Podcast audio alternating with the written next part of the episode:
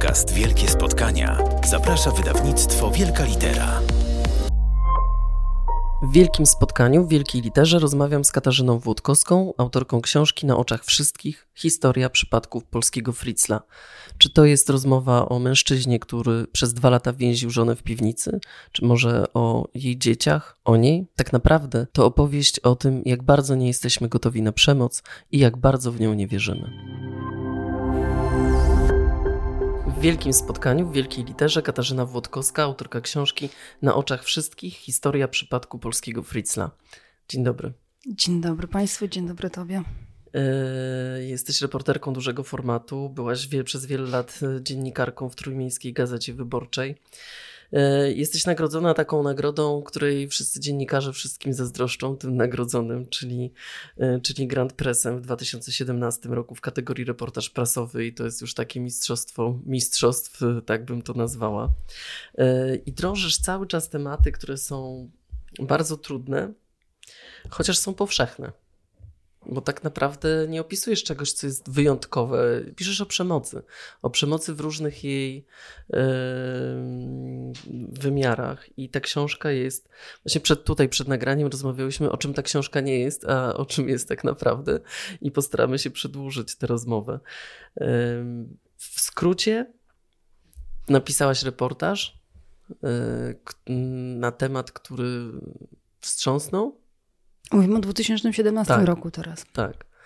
Który wstrząsnął y, polską opinią publiczną, czy nie wiem jak Nawet można... nie polską, bo wtedy jak śledziłam, mnie zdziwiło, że na rynku brytyjskim, i media brytyjskie, i irlandzkie do tego nawiązywały. To był twój pierwszy taki moment, kiedy chciałaś napisać o, o, o przemocy? Czy wcześniej już te tematy cię jakoś zajmowały?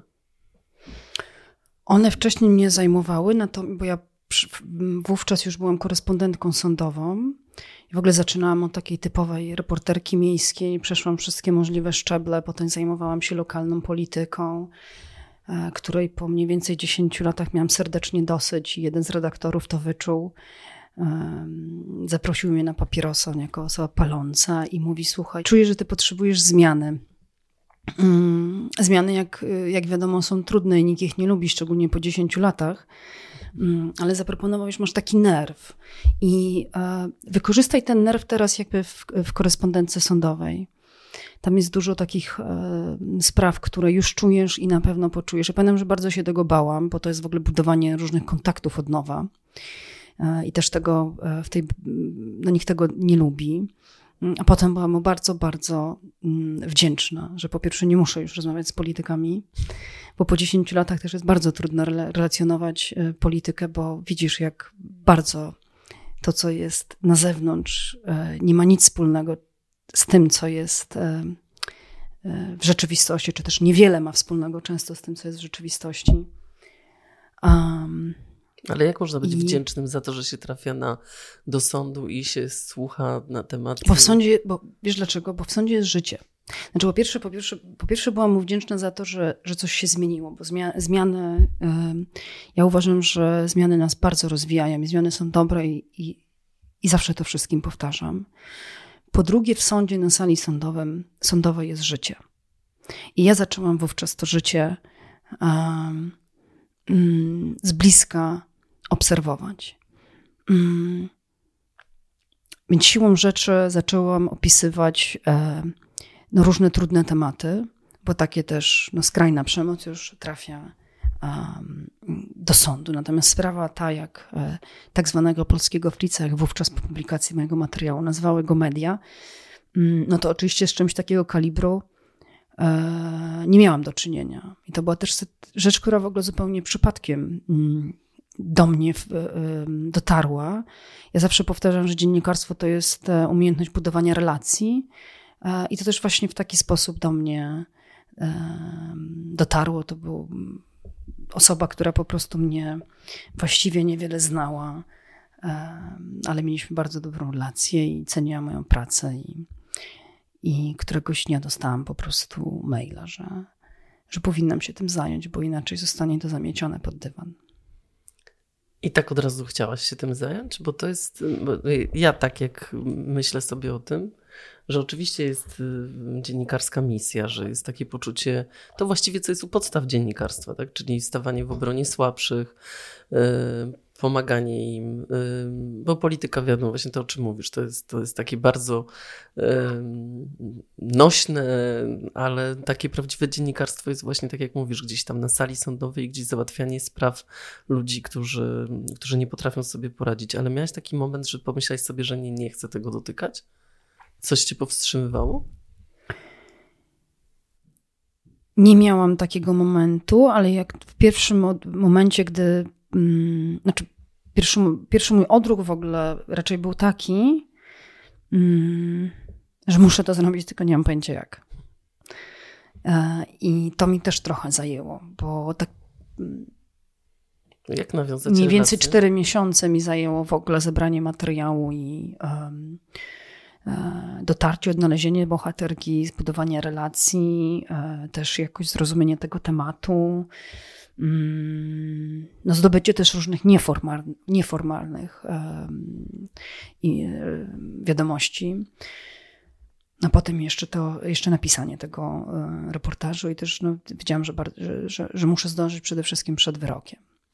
A jak można zbudować relacje z osobami, które są w takim dramacie, gdzie są z jednej strony oprawcy, z drugiej strony jest ofiara i jeszcze są dzieci, które są no, ofiarami to jest ewidentne, ale które też e, są sprawcami przemocy. Jak się te relacje budują? Powoli, mm, z dużą dozą cierpliwości i zdawaniem wpływu.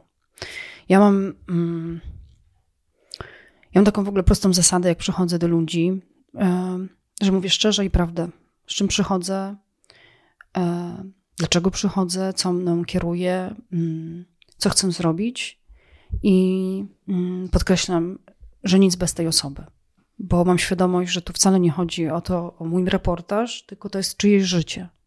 I to jest kluczowe. Zresztą wówczas ten materiał, ten reportaż w dużym formacie z czerwca 2017 mnie też wyjątkowo na to, na to uczulił, bo patrzyłam też, jak potem media, różni dziennikarze mm, relacjonowali tę sprawę i mm, ja wtedy całe dnie poświęcałam na monitoring mediów i tam, gdzie ktoś niedostatecznie zadbał o anonimizację, to dzwoniłam, poprosiłam, prosiłam o poprawienie tekstu. Chciałaś I, chronić tę osobę. No, chciałam chronić, bo to jest jeden z elementów. Jeżeli ktoś chce pozostać anonimowy, naszym obowiązkiem jest tego dotrzymać. I wtedy z, z wielkim zdziwieniem spostrzegłam, jak bardzo jest to nie do końca chyba rozumiane, znaczy przyjmowane, jak bardzo my nie do końca rozumiemy, tak jak powiedziałam, że to nie jest mój tekst, tylko to jest czyjeś życie. Ale też jest e, taka pokusa w mediach, żeby e, skupić się na konkretnym przypadku, a nie w zasadzie na problemie, żeby zrobić sensację wokół tej, tej, tej rodziny. No też duża pokusa jest też taka, żeby szybko coś zrobić i to jest, wiesz, to jest największa pokusa. I też trzeba dużo determinacji, znaczy takiej siły w sobie, żeby móc komuś powiedzieć nie, jeszcze nie teraz. Ale to jest jednak e, e, odpowiedzialność e, każdej i każdego z nas, kto się pod tekstem podpisuje. Znaczy, że my na koniec odpowiadamy. Oczywiście redaktor też, ale nie widziałam jeszcze w sądzie żadnego redaktora. No dobrze, no powiedziałeś, że, że, że, że łatwo jest ulec tej pokusie, ale ty przyjęłaś taką strategię z pisaniem książki, że właściwie na początku wszystkim odmówiłaś, bo chciałaś to napisać na własnych warunkach. Tak, chciałam napisać na własnych warunkach, nie chciałam pisać pod y, presją deadline'u. Mm, chciałam dać sobie też czasu na przemyślenie, jak ta książka ma wyglądać, nie tylko pod kątem konstrukcji, ale zawartości. Też miałam takie momenty, że mm, na przykład, nie wiem, daj mi na to, napisałam już 100 stron i czułam się wypłukana kompletnie. Znaczy, że ja oczywiście rozumiem, co powinno być dalej, ale ja nie jestem w stanie już dalej pisać. Jak ja bym miała bo? pisać, bo właśnie byłam wypłukana ze słów, z myśli, mm, musiałam się znowu naczytać, nie tylko pod kątem literackim, żeby jakoś wypełnić na nowo, ale też znowu zagłębić się w, w, w, w literaturę specjalistyczną, żeby też przełożyć na reportaż też pewne mechanizmy, bo to jest też taka, mam, mam nadzieję, będzie duża wartość tej książki, że mm, i takie już też dostaję sygnały, że po lekturze mm, rozumie się, co się stało i dlaczego. Mm, natomiast napisanie tego w języku reportażu, żeby nie robić z tego y, y, książki popularno-naukowej, i nie, nie przynudzać jakimiś terminami i analizami, to trzeba się trochę e, e, nie tylko nagłowić, ale trzeba się bardzo dużo naczytać, żeby to nawet już nie tyle zrozumieć, ale poczuć. I wtedy móc fakty jakby tak, tak opisać, czy czyjeś emocje, czy czyjeś uczucia, czy czyjeś zdarzenia, żeby jednocześnie pokazać właśnie pewne mechanizmy. I tego się nie da zrobić w miesiąc. No, ile ci to zajęło? W ogóle jak policzyłam, to mnie zupełnie zdumiało, pisałam ponad rok. Oczywiście z przerwami. Mm, to jest w ogóle trzecia wersja książki, znaczy już pod kątem konstruktu. Mm, pierwsza, pierwsza była zupełnie nieudana, nie do utrzymania. Druga e, była no, mm, już jakby trochę w tym kierunku, ale trochę za bardzo zboczyłam, zboczyłam w, jakby to powiedzieć, w, w kierunku historycznym. Wywaliłam, poświęciłam w ogóle trzy miesiące na to, żeby pewną sprawę bardzo zgłębić, zresztą z, z regionu e, północy, zresztą bardzo interesującą, a potem to wszystko wyrzuciłam, ponieważ uznałam, że e, za bardzo odbija od tej sprawy E, i książka straci tempo i rytm, bo jednak rytm jest szalenie istotny. No potworny musi... ból, jak się tyle czasu poświęciło. Jeszcze się wie, że macie jakąś ciekawą historię, ale dla dobra książki trzeba się jej pozbyć. Tak, więc to wycięłam, ale wtedy, wtedy też poczułam, że książka już idzie, że jakby i to była ta trzecia wersja napisana w trakcie stypendium, e, do którego notabene zmusiła mnie Krystyna Lewna, pisarka kaszubska, zadzwoniła do mnie, bo wiedziała, że już od lat tym pracuję, ja już lata wcześniej chyba u niej byłam i ona cały czas, co jakiś czas do mnie dzwoniła. Krystyna jest y, bardzo rzeczową e, pisarką. Ona nie, nie prowadzi takich rozmów bla, bla, bla, tylko zadaje bardzo konkretne pytania. I do mnie zadzwoniła, słuchaj, musisz coś zrobić. Co muszę zrobić? Musisz złożyć wniosek. Masz trzy dni. Tu ci wysyłam linka. Wysyłaj. To cześć. musisz skończyć książkę.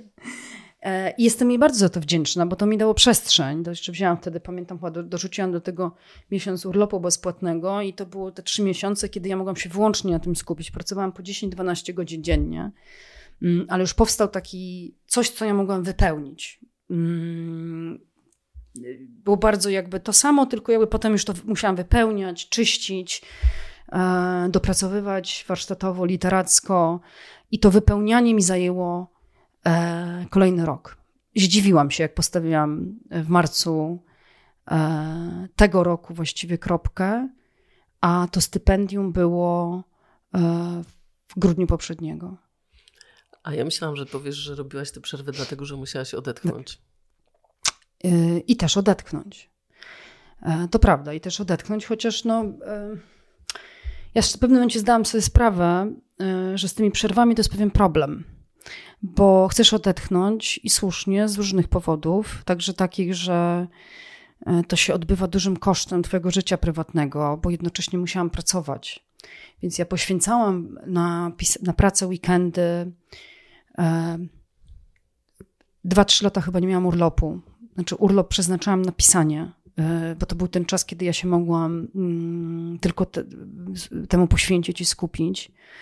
Mm, więc, to, więc musiałam poświęcać też dużo czasu prywatnego, więc to się odbijało też na moim życiu prywatnym. I w pewnym momencie dochodzisz do takiego wniosku, że albo się temu już totalnie poświęcisz i jak najszybciej skończysz, albo to będzie trwać w nieskończoność. A drugi mm, problem z odpoczywaniem jest taki, że mm, z jednej strony tego potrzebujesz, ale po takim miesiącu odpoczynku na nowo wdrażasz się w książkę. Więc w pewnym momencie uświadomiłam sobie, że to nie jest najlepsza najlepsza strategia, że ja muszę wejść w to mm, na całego dla dobra tej książki. Psychicznie nie, nie, nie, nie, nie przyrastało cię to w niektórych momentach? Miałam takie momenty. W ogóle miałam mm, różne momenty, w których to mi się wydawało trudne i że ja tego nie zrobię, od, że nie zdołam zebrać materiału, że nie, zdąż, nie zdołam tego napisać, że nie zdążę wymyślić tego, jak napisać. Nie chcę zabrzmieć teraz ocennie, ale pisząc książkę zrozumiałam y, z czego wynika popularność zbioru reportaży. Ja oczywiście rozumiem, że nie jest łatwo napisać zbiór reportaży i nie jest łatwo dobrać 10 historii czy 12, które będą spójne, ale męcząc się nad konstrukcją tej książki, ja dopiero mniej więcej po trzech czwartej książki e, poczułam, że to chyba skończę. I e, ja w pewnym momencie przestałam rozmawiać. Ja się w ogóle nie przyznawałam, że ja książkę piszę, bo byłam pewna, że nie skończę. Że ja nie zdołam tego skończyć pod różnymi e, względami. I był też taki moment, że było mi też no, bardzo trudno, i ale podejrzewałam się o kryzys twórczy, który się zdarza. E, znam też wiele osób, które nie ukończyło książek z różnych powodów. Też, bo jest też taki, do tego wszystkiego trzeba dołożyć ten lęk mm, związany z tym, a co jeżeli naprawdę to nie będzie najlepsze na świecie? A co jeżeli to zostanie skrytykowane? Mm, nie ma za dużo, y, wiesz, szans, jak wydajesz książki. Nie? Jak wydasz książkę złą, to wydasz książkę złą. Um, I to ci zostanie zapamiętane. Um, ale jak poszłam do terapeuty, właśnie powiedzieć mu, że mam kryzys twórczy chyba i um, jakoś taki odczuwam niepokój z tym związany, to on jak mnie wysłuchał, no, to też na drugim spotkaniu mi powiedział, że to nie jest żaden kryzys twórczy, tylko mm, jest mi ciężko, bo to jest obiektywnie trudne. Zaczął mnie wypytywać o tematy, którymi zajmowałam się w ostatnim czasie e, i stwierdził, że, plus o tą historię oczywiście, i stwierdził, że on nigdy w swoim gabinecie nie miał takich historii, jakie ja mm, natrafiłam na swojej reporterskiej drodze. Mm. I przyznam, że przyniosło mi to ulgę, bo mi ulgę w ogóle przynosi, kiedy ja coś nazwę. Mój niepokój jakieś emocje, nieprzespane noce biorą się z tego, kiedy ja do końca nie rozumiem, co się dzieje. A jak już zrozumiem, co się dzieje, niezależnie czy to jest dobre, czy złe, to już wiem, co z tym, wiem, i wiem, co w związku z tym zrobić, to odczuwam ulgę. I wtedy też zrozumiałam, że muszę hmm, też bardziej o siebie dbać. On mi też dużo no, potłumaczył, porozmawialiśmy, też wytłumaczył mi, jak sam funkcjonuje, czyli na przykład, że mają takie zasady, że nie mogą mieć w ciągu roku e, w, w terapii więcej jak trzy osoby w traumie. Mm, plus do tego inni oczywiście pacjenci. Ja zaczęłam stosować w pewnym sensie tą e, też zasadę. Znaczy, już nie biorę tak dużo na siebie, bardziej dbam o filtrowanie siebie i zastanawiam się, ile w ciągu roku e, mogę wziąć na siebie trudnych, obciążających tematów. Ale wciąż je bierzesz. Wciąż je biorę. Mm, miałam taki moment też pisząc książkę, że pomyślałam sobie, skończę tą książkę i już więcej nie robię takich tematów. No piszę nie coś mam, dla dzieci. Nie mam, być może. Być może. Nie wiem, co by to jeszcze było. Różne rzeczy mi chodzą. Tak w ogóle ta książka bardzo we mnie też pracuje, bo ja też mam takie poczucie, że ona ma też taki konstrukt, a nie inny, bo ja chyba miałam w sobie potrzebę wyżycia się literacko. Mm, ale miałam taką myśl, że ja to faktycznie rzucę. I zaczęłam, w międzyczasie czytam książkę Anny Salter, e, Drapieżcy seksualni. To jest e, amerykańska psychiatryczka, która prowadziła badania mm, z drapieżcami seksualnymi, którzy mieli wyroki sądowe i byli w więzieniu i zgodzili się bardzo szczerze z nią do tych badań rozmawiać. To jest szalenie interesująca lektura, między innymi pokazująca, jak oni świetnie potrafią manipulować otoczeniem i że skala ich działalności nawet nam nie przechodzi przez głowę, bo zwykle trafiają, y, zostają skazywani za jeden czyn. E, na przykład, kiedy mówimy o mm, drapieżce grasujących na placach zabaw i w różnych innych miejscach, to taki jeden mężczyzna na przykład trafił do więzienia za, za jedną sprawę, a zwierzył się, że tego było po kilkanaście, kilkadziesiąt każdego tygodnia. Znaczy, jak policzył, to y, żeby teraz nie skłamać, około tysiąca musiało tego być. Znaczy, bo on po prostu każdego dnia. To też daje, daje świadomość, jakby jakiś taki zakres tego, o czym jakby, mm, jakie mogą być pola e, no, działalności. Ale coś tam Anna Salter właśnie, dlaczego Anna Salter? Bo ona w pewnym momencie pisze, że miała ten sam moment że ona pomyślała sobie, że ona chyba to rzuci, bo no bo po co jej to? Można się tyloma ciekawymi badawczo tematami zajmować. Aż w pewnym momencie przekroczyła jakby w jakimś stopniu siebie i doszła do takiej myśli, że gdyby to teraz rzuciła, po takim ogromie y, zdobycia wiedzy y, i doświadczeń, y, to ona by nie tylko to zmarnowała, mm, ale ona by się niczemu, nikomu nie przysłużyła. Że, e, że skoro już się znalazła w tym miejscu i pokonała taką drogę, to ona właśnie musi w tym zostać. Może zostać na różne sposoby, może też ewaluować różne kierunki, ale że zostając, ona teraz dopiero wniesie dużo, jeszcze więcej dużo y, dobrego. I ja właśnie w pewnym momencie taki moment w sobie pokonałam i pomyślałam, okej, okay, faktycznie to byłoby marnotrawstwo, kiedy ja wykonałam tyle pracy i zdobyłam tak ogromną wiedzę. Dla mnie było mm, ogromnym komplementem, gdy recenzentka tej książki, pani doktor Ewa Odachowska-Rogalska, gdy przeczytała całą książkę, E, no, miała naprawdę nieliczne uwagi, bardziej uzupełniające, takie przygadujące ze mną rzeczy. Mm, I wtedy się utwierdziłam w przekonaniu również, ok, to robię krok dalej, na przykład teraz rozpocznę studia podyplomowe z psychotraumatologii. Mm, mam kolejne plany, jakby ja chcę, jak, jakbym chciała wykorzystać też swoją wiedzę praktyczną, E, I teraz uzupełnioną jeszcze o taką e, solidną wiedzę merytoryczną, bo oczywiście to, co do tej pory zgromadziłam, mm, jakby jest spore, ale mam świadomość, że poruszam się po literaturze e, instynktownie. Czy też trochę kto mnie pokieruje na jakąś książkę, czy jakaś książka doprowadzi mnie do jakiejś i to wcale nie czyni ze mnie, ze mnie ekspertki. Dlaczego chcesz zrozumieć tę przemoc? I, I pomóc nam zrozumieć, no bo to jest taka droga. Mm, bo myślę, że musimy zrozumieć przemoc między innymi, a głównie po to, bo musimy być na nią przygotowani. I mm, czytamy reportaże, dlatego że one nam dają punkt odniesienia i one nam pokazują, w jakim miejscu jesteśmy. To jest trochę jakbyśmy tak wyjrzeli za okno i zobaczyli, co się dzieje, e, co się dzieje na podwórku. Ja mam takie poczucie, że też skończył się czas budowania stadionów, e, nie wiem, jakichś wielkich, spektakularnych inwestycji. Znaczy, oczywiście niech one będą, tylko ja jestem za tym, że jakby dopóki nie rozwiążemy problemu przemocy mm, wszelakiej, e, to trudno będzie nam mówić o tym, że jesteśmy no, jakimś społeczeństwem nowoczesnym, rozwojowym. Ten problem istnieje, jest powszechny i nawet nie zdajemy sobie sprawy z jego skali. Mm, I nie ma, i wciąż nie mamy bardzo wielu podstawowych mechanizmów wypracowanych. Mm, nawet takich zdumiewających. Mnie to nawet kompletnie zaskoczyło, że tak prosta rzecz, jak regionalne i krajowe programy przeciwdziałania przemocy, to są właściwie takie programy update'owane co roku, które stanowią taki, taki zbiór informacji o danym regionie, o danym kraju. Nikt, szanowni państwo, do tej pory nawet nie był w stanie wpaść na to, żeby te, program, te programy co roku wyglądały tak samo i w związku z tym byłoby łatwiej je porównywać. Jest, albo y, programy regionalne są w dużym stopniu, mm, nie wszystkie oczywiście, ale większość jest na dużym stopniu ogólności i nie odnoszą się do specyfiki danego regionu bo każdy region ma jakąś specyfikę. Jak są jacyś określeni ludzie, którzy mają pewne przywiązanie może do tradycji, może do religii, nie wiem, mają jakiś określony sposób funkcjonowania, wykształcenia.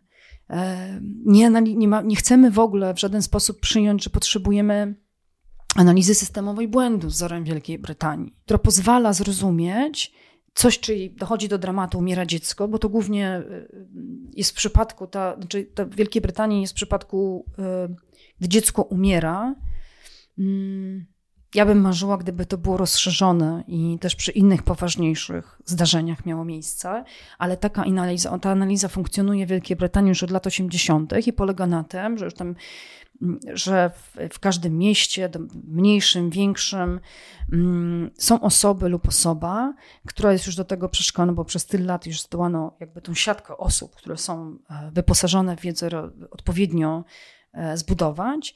Gdy dochodzi do takiej sytuacji, mm, to bierze się daną sprawę e, na warsztat, tak jak trochę jak ja wzięłam tą historię e, i się analizuje krok po kroku, żeby zrozumieć, czy system mógł w którymś momencie zareagować. Czy jeżeli ktoś by coś wcześniej zrobił, może coś, może coś nie zignorował, czegoś, pisma, telefonu, może ktoś nienależycie wykonał obowiązki, Nie wiem i też, też w tej analizie nie do końca chodzi o to, żeby, bo my też, jak my w Polsce robimy analizę, to po to, żeby natychmiast powiedzieć, że kogoś ukaraliśmy, zwolniliśmy albo daliśmy mu naganę z pisem do akt. To w ogóle nie o to chodzi. Dlatego między innymi moim zdaniem ta mentalność powoduje, że my jesteśmy, żyjemy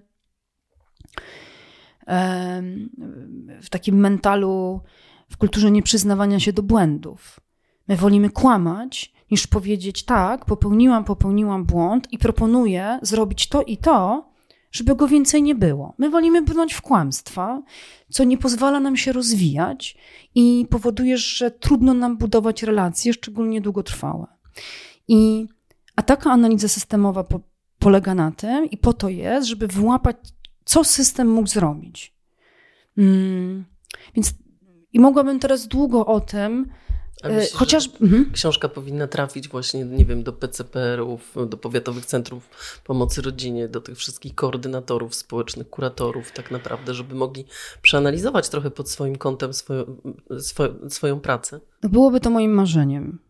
Studenci prawa i resocjalizacji, prokuraturzy, prokuratura, policja, sądy. Zresztą było mi bardzo miło wczoraj zadzwonił do mnie pewien sędzia, że właśnie kupił, wraca do domu czytać i zadzwoni, jak tylko skończy e, lekturę. Mm. Bo ty opisujesz tutaj takie rzeczy, które są, to są takie zaniechania, albo mm, ja miałam takie wrażenie, że czasami to jest jakaś taka, że, że już masz taką nadzieję, o, ten się zajmował tak podobną sprawą kiedyś, to tutaj coś zrobi w sprawie tej kobiety. Się okazuje, że nie że w ogóle nie ma. Znaczy, ja w ogóle bym chciała, żeby efektem też tej książki było, że tak jak ja już od kilku lat się specjalizuję w czymś, prawda, w szeroko rozumianej przemocy, i żeby móc napisać tę książkę, um, musiałam się w to wgryźć bardzo, z własnej woli się szkolić, um, jakby odbywać szeregi rozmów, które pozwolą mi e, na przykład właściwie odczytywać, co do mnie mówi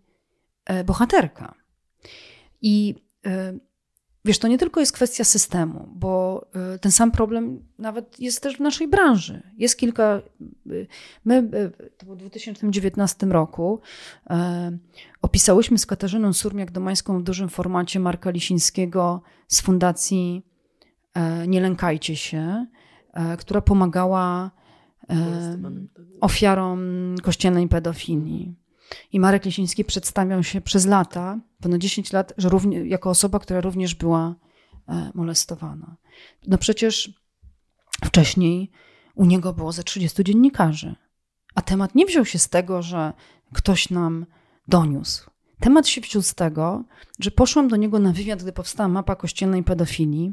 I prawda jest taka, że ja chciałam się nie narobić.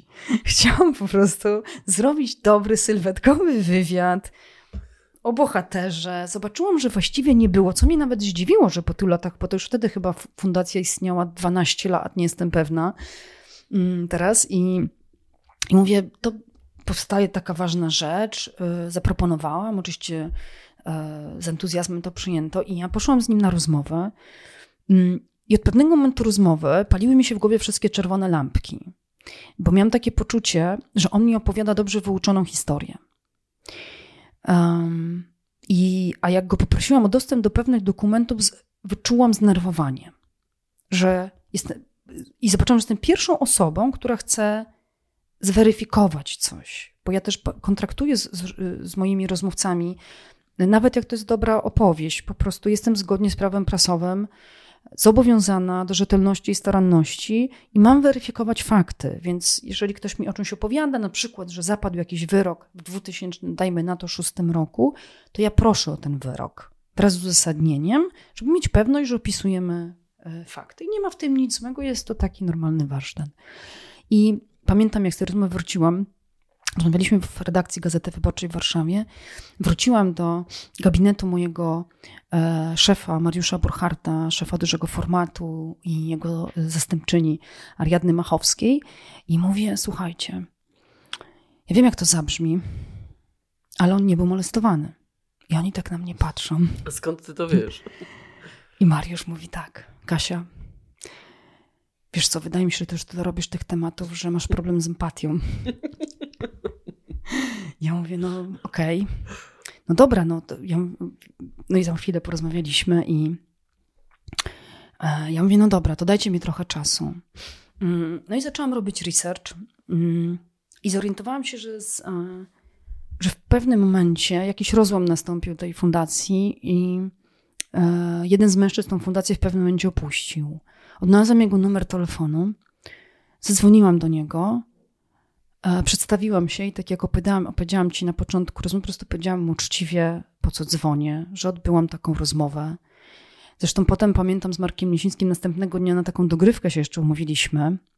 I pamiętam takie specyficzne uczucie, tak sobie patrzyliśmy w oczy. On wiedział, że ja już wiem, a ja wiedziałam, że on też już wie, że ja wiem.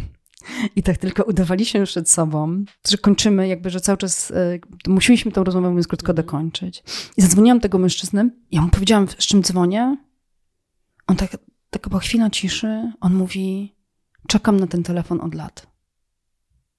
I tak się zaczęła ta historia. I on mnie wtedy utwierdził po prostu w przekonaniu, e, że, mm, no, że intuicja mnie nie zawodzi, tylko mm, kolejny problem był, żeby to udowodnić, przeprowadzić e, no, całe śledztwo związane z tym, e, co się właściwie stało, jak to się stało, że kuria mu uwierzyła, że był molestowany.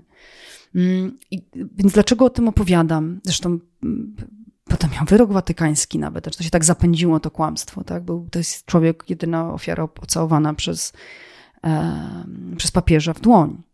E, cała masa ludzi pracowała e, w tej fundacji i nikt niczego e, nie zauważył. Więc mm, opowiadam o tym, e, żeby pokazać, e, dlaczego jest ważne przygotowanie i także nas dziennikarzy i czy pracownicy opieki czy w ogóle PCPR-y, no, policja i tak dalej powinni, znaczy byłoby dobrze, żeby przeczytali tę książkę. Tak, byłoby dobrze. Mam nadzieję, że oni czytając tę książkę zrozumieją, że jeżeli chcemy się zajmować przemocą, a wszyscy się w jakimś stopniu też nią zajmujemy, mm, to musimy być do tego przygotowani. Bardzo wiele zawodów, e, specy, specyfiką wielu zawodów jest to, że prędzej czy później spotykasz się z osobą w traumie, więc byłoby dobrze rozumieć, co to znaczy być po silnym urazie psychicznym. I, ale moim największym marzeniem jest to, żeby na przykład polska prokuratura e, przyjęła, że jednak, żeby skutecznie prowadzić śledztwo, dotyczące przemocy, czy to seksualnej, czy fizycznej, czy ekonomicznej, czy psychicznej, to jednak trzeba się w tym specjalizować, bo to pozwala po pierwsze zebrać odpowiednio treści od osoby pokrzywdzonej, czy nawet rozumieć manipulację sprawcy i sposób funkcjonowania takiej osoby, czy też rozumieć na przykład, dlaczego y, pokrzywdzona w urazie może zachowuje się nieracjonalnie. E, I może nawet wydawać się może, że y, przeszkadza śledztwu. Ale to nie chodzi o to, że bo na przykład unika, unika, nie wiem, przesłuchania, rozmowy, nie chce, bo, ale to dzieje się dlatego, że nie chce do tego wracać, a nie dlatego, że, e, że e, kłamie na przykład, czy jest niewiarygodna. W ogóle, bo jeszcze tylko słowo, bo trochę jest tak, ja z mojego doświadczenia też wynika często, że policja czy prokurator bardzo chciała, żeby osoba na przykład po wielu lat maltretowania, po prostu przyszła, usiadła, opowiedziała swoją historię ładnie od początku do końca. Najlepiej jakieś nagrania przyniosła, żeby było nagranie wideo, to w ogóle super.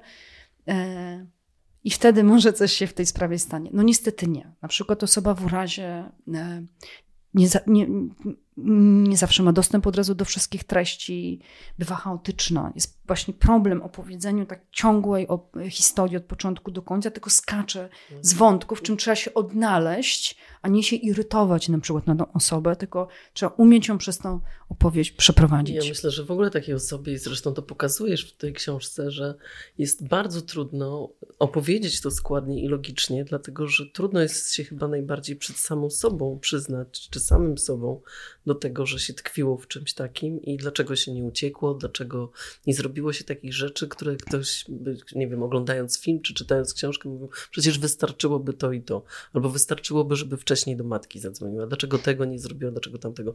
I teraz, jeśli ty się sama musisz z czymś takim skonfrontować, no to jest bardzo trudno ułożyć to w jakąś całość, bo, bo jak wypowiadasz te słowa, ty to pokazujesz świetnie, że jak ta bohaterka wypowiada te słowa, to ona sama ja tak wyczuwam, mhm. że ona sama może przed sobą wyglądać niewiarygodnie. Że co to jest Ja myślę, że ona się tak sama czuła. Mm, I bo to się wydaje takie proste, ale nie jeśli już w tym jesteś. Tak, ale jeśli do tego też dochodzi olbrzymi błąd, e, znaczy, przepraszam, nie błąd, tylko lęk. Do tego dochodzi ogromny lęk, że ktoś nam nie uwierzy. To, to co my do powiedzenia jest tak trudne. E, ja właśnie czytam, mm, czytam teraz e, dwie książki. Mariusza Szczęgła Fakty muszą zatańczyć i czytam Magda Rigamonti Niewygodni. Mm, I tam w, tym, w tej książce jeden z rozmówców właśnie opowiada jej o takim obozie, który był położony pod Czechami, czego mówi, ja nigdy nikomu wcześniej nie opowiedziałem, bo bałam się, że mi nie uwierzą. No to jak ma ktoś, mi nie, ma, ma ktoś mi nie uwierzyć, to po co mam mówić?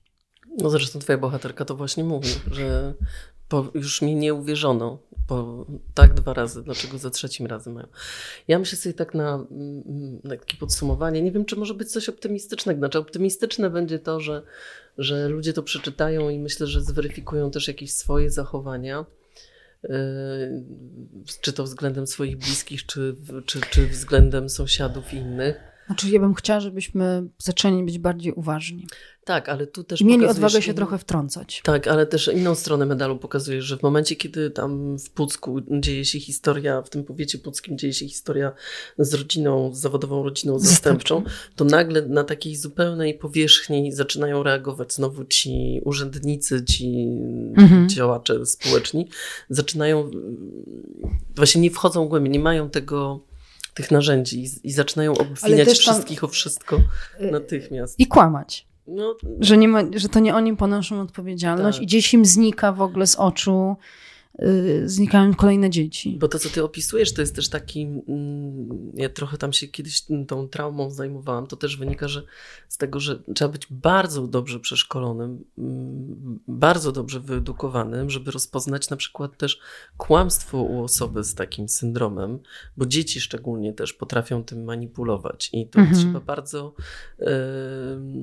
umieć tak. znajdować znaki, które sprawiają, że, że możesz wyczuć, że to dziecko mogło być molestowane molestowane, mogło być świadkiem przemocy, a z drugiej strony, że to dziecko może też y, manipulować y, innymi dorosłymi, bo to są z kolei takie przypadki, to mhm. kiedyś rozmawiałam z psychologiem, który się zajmuje rodzinami zastępczymi, że są takie przypadki, że na przykład ojciec, y, te dzieci łatwo wyczuwają, że ktoś może chcieć usłyszeć właśnie taką prawdę, więc rozwijają taką opowieść i są udokumentowane przypadki, że człowiek y, aresztowany siedział w więzieniu właśnie oskarżony o, o molestowanie seksualne swoich podopiecznych i jak wyszedł z więzienia powiesił się, chociaż został uniewinniony. Y, bo to, to ma też dwie, czyli muszą być mhm. bardzo wrażliwi, y, wrażliwi, i wyedukowani ludzie, żeby wyczuć mhm. tak, tak. I, prawdę. I, I tutaj jeszcze dochodzimy do kwestii biegłych. Tak?